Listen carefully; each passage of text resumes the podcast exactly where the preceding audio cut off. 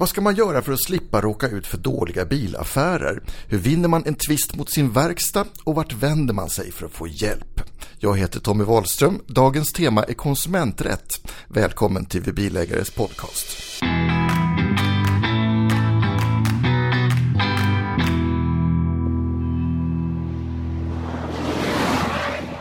Välkommen Maja Rogemyr.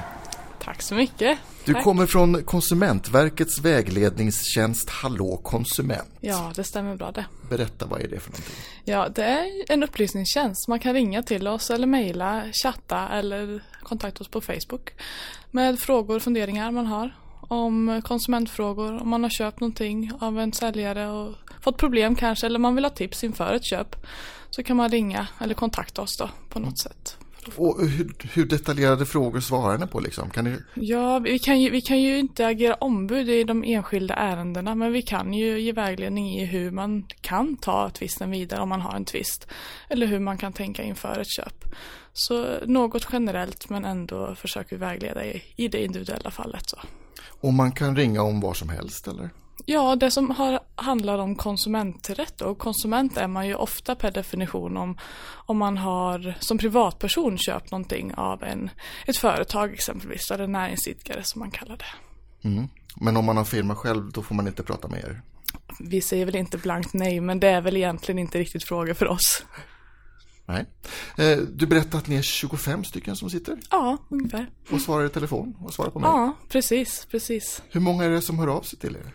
Jättemånga. Vi har väldigt, eh, väldigt långa köer i dagsläget. Så, så vi jobbar väl på det också, att försöka täcka upp det och svara så snabbt och effektivt och bra vi, vi kan då. Mm. Men sen har vissa kommuner också konsumentvägledning va? Och det är ju otroligt bra samarbete så sätt då, att man kan, man kan använda sig av de möjligheterna också som finns i kommunen. Och ofta har ju de större möjlighet att hjälpa till rent praktiskt. Så det är ju en jättestor tillgång för konsumenterna att kunna kontakta dem och få hjälp med medling bland annat då, i vissa fall. Kan kontakta företaget då på ett sätt som vi inte kan. Ja, just det. Så de kan hjälpa till mer praktiskt. Mm, precis. Okej. Eh, hur vanligt är det att bilaffärer slutar i bråk? Ja, bråk och bråk. Det är väl många av, av våra frågor som vi får in handlar om begagnade bilköp som på något sätt har slutat i en tvist på något sätt. Man kommer inte överens och ofta så kanske det grundar sig i en viss okunskap i vilka rättigheter och skyldigheter man har då. Både som konsument och som säljare. Vad är det folk inte vet? Ja, kanske vilka fel man kan klaga på och vilka fel man faktiskt har rätt att få åtgärdat och inte åtgärdat. Så det, det är ju en sån, ett sånt typexempel på en fråga vi får in. Mm. När det gäller begagnade bilar då får man ju ofta räkna med ett normalt slitage då, eller det, det, det som, så som bilen följer med köpet då. Det är i det skicket den var i när man får den som man får utgå från. Och ett normalt slitage har den ju då i regel. Är det trasig koppling vi pratar om då eller? Ja, Slitna stötdämpare? ja, det kan ju vara ett visst slitage då som av den tidigare användaren eh, orsakat. Och eh, man, man kan i regel inte klaga på sådana skador som följer av ett normalt slitage. Men kan man påvisa att det finns en, en avvikelse där, att det inte, det här är ingenting normalt, det här är ingenting man hade kunnat förväntat sig. Då kan man i regel klaga på det då. Och ha vissa rättigheter enligt lag, konsumentköplagen. Eh, vi säger att jag har varit hos en eh, bilhandlare. Jag har fastnat för en bil, jag har skrivit på ett köpeavtal men jag har inte fått bilen levererad än. Kan jag då ångra mig? Eh, Ja, det finns vissa möjligheter att avbeställa ett köp innan man har fått den levererad. Och, men då får man också vara beredd på att det kan innebära vissa kostnader för dig som köpare. Och i regel så är det den förlust då som, som säljaren kan, kan, kan få på grund av den här avbeställningen. Men här har man arbetat fram vissa branschregler som säger att eh, beroende på hur lång tid eh, avbeställningen sker då efter själva köpet. Eh, då finns det vissa procentsatser av köpeskillingen som man skulle ha betalt då, som man får stå för. Så kolla med Konsumentverket där och med oss på Hallå Konsument om du står inför det valet att avbeställa. Men alltså är det ju längre tid från beställning desto Ja, mer får jag precis, betala? precis, Ja. precis. och om, om det är en jättelång leveranstid som drar ut och blir det ännu längre. Jag får inte avbeställa då heller, eller? Ja, är de i dröjsmål så kan det självklart innebära en, en, en större rätt för, för köparen. Då kan man till och med ha rätt att häva ett köp då. Om det är så att det är de som orsakar förseningen. Då kan man ha rätt att avbryta köpet helt och hållet och inte behöva stå för några kostnader. Om, om fel, den här fördröjningen är av väsentlig betydelse. Man säger alltså, alltså det ska vara viktigt för, för köparen. Mm den här fördröjningen då. Man ska kunna motivera det. Eh, jag har fått min nya bil nu mm. och så kör jag iväg. Eh, och sen så eh, ångrar jag mig och vill lämna tillbaka bilen. Kan jag göra det? Ja, i, i regel så har man ingen, ingen direkt ångerrätt enligt lag då när man har köpt en bil i butik. Utan då, har man, då är köpet i regel bindande om man inte avtalat om en ångerrätt. För det kan man ju alltid göra om man kommer överens om det och skriver med det i köpavtalet. Då kan man ju ångra sig. Ehm, Sen så kan man ju även eh, beröra de regler som finns om man köper en bil uteslutande på distans. Alltså om man köper en bil exempelvis på nätet eh, så kan man ha vissa möjligheter då att, av, att ångra sig. Vi pratade förut om att häva köp. Under vilka förutsättningar har man rätt att häva, sitt, häva ett köp?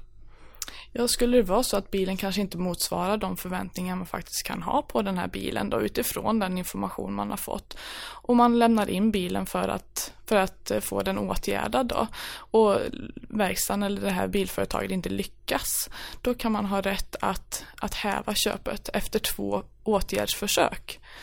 Så det är en sån möjlighet man kan ha. Och sen kan man även ha rätt att häva ett köp om, som vi var inne på tidigare där, om en fördröjning och en försening av leveransen är av stor betydelse. Något som vi stöter på lite nu och då det är mm. att, att läsare hör av sig och eh, de har köpt en bil och de är missnöjda med bränsleförbrukningen på den. De tycker att den drar mycket mer bränsle i verkligheten än vad den gjorde på bränsledeklarationen när de mm, läste mm. om bilen där hos bilhandlaren. Mm. Är det någonting som man kan häva ett köp på?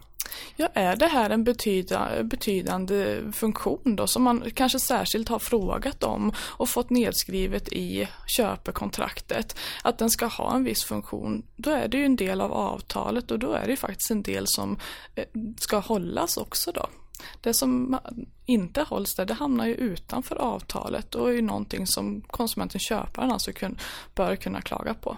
Så om, om, om, om bilhandlaren säger att den här bilen drar en halv liter per mil och så drar den en liter per mil för mig. Mm. Då borde jag kunna klaga på det. Ja, precis. Och då, då, då rör det sig om en reklamation. Då. Då bör man kontakta säljaren direkt och förklara att det här anser jag inte stämmer överens med vad vi kom överens om.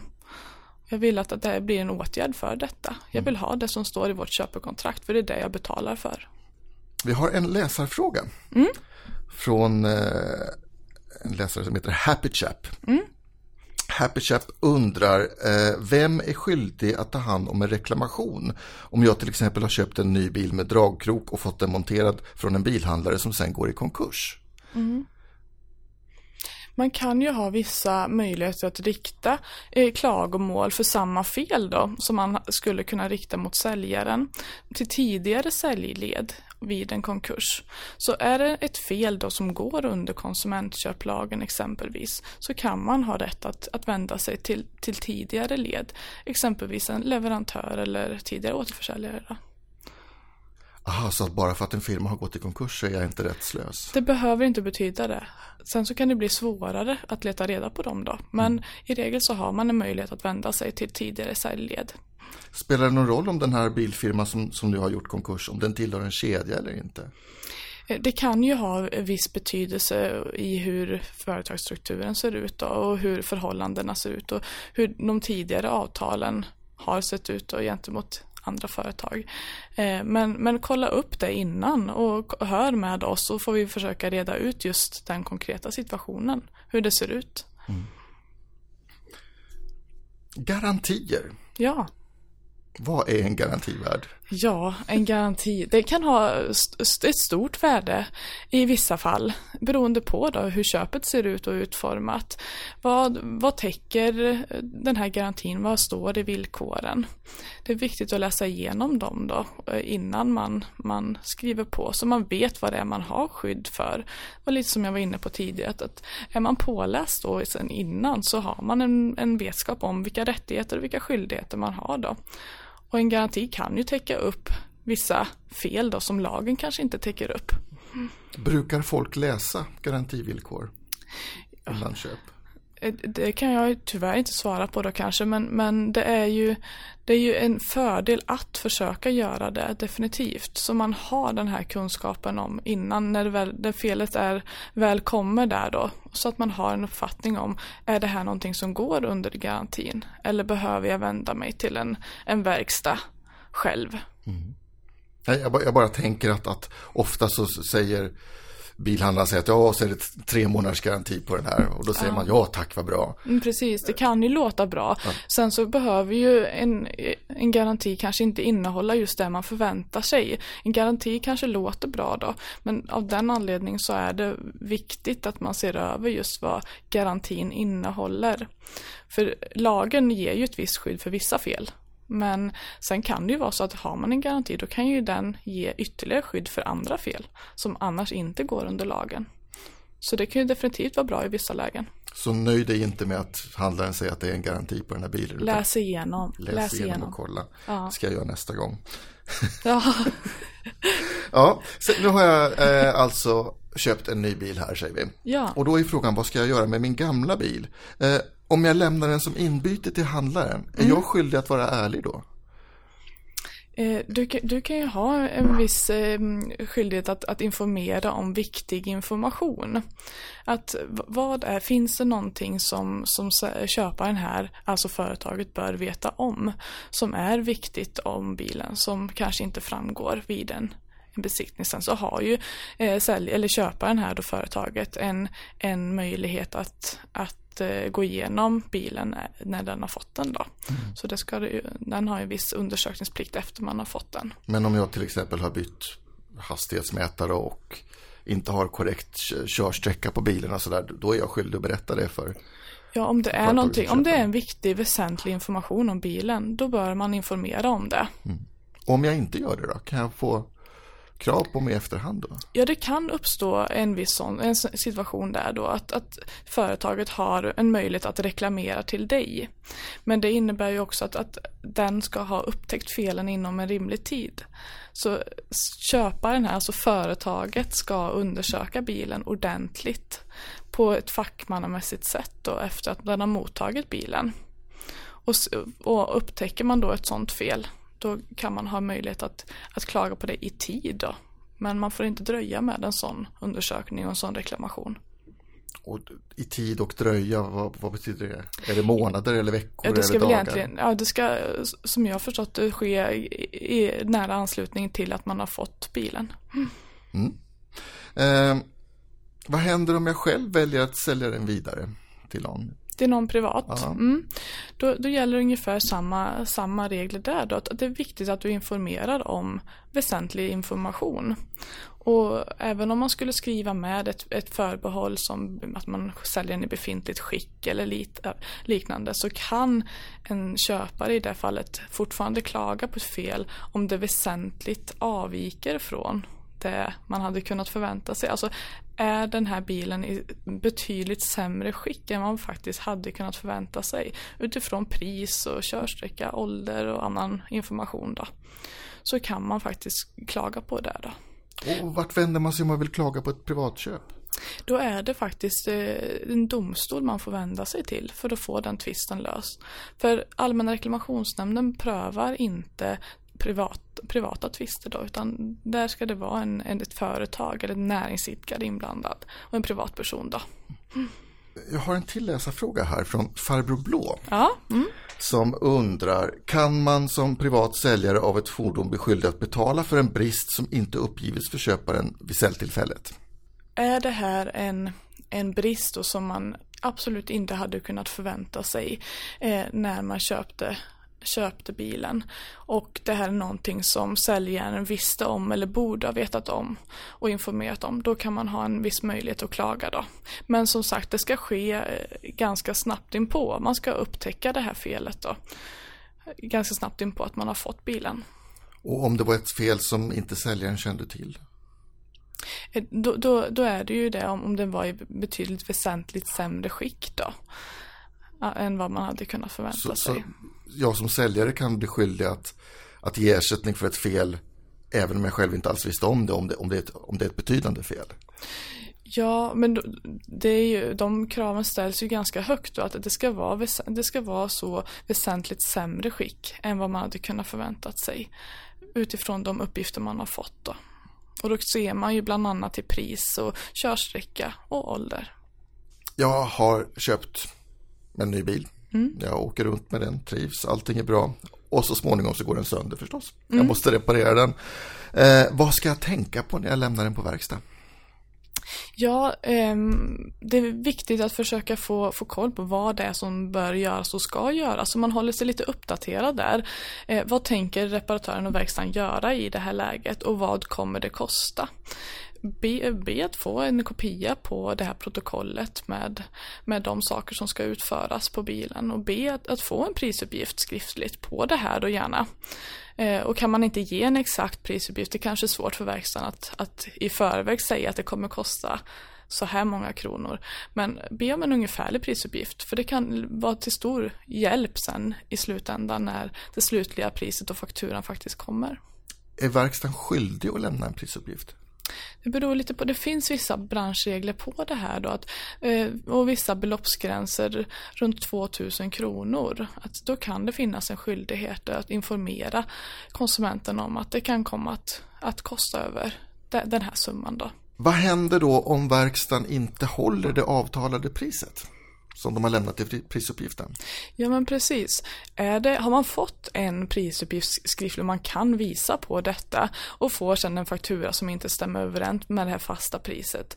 Eh, då eh, kan det vara läge här att bestrida den fakturan då, den delen som är felaktig. Man har ju kommit överens om en del som bör då vara korrekt och sen den här överskridande delen den kan man ju kanske anse är felaktig då och för att undvika eh, betalningsanmärkning och så vidare som kan vara ett led av att man inte betalar en faktura i sin helhet. Ehm, då bör man bestrida den delen och det gör man genom att skriva till företaget eller den som kräver en på pengar och förklara varför man inte tänker betala. Och hänvisa gärna då till den här prisuppgiften att titta här, vi har skrivit ner den här prisuppgiften har jag.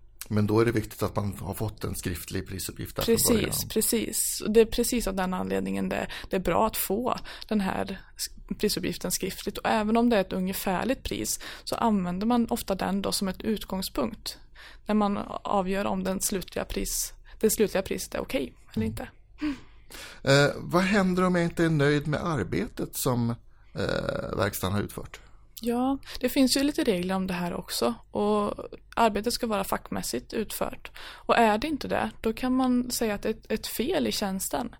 Då ska man reklamera det precis på samma sätt så som när man har köpt en bil som inte håller måtten.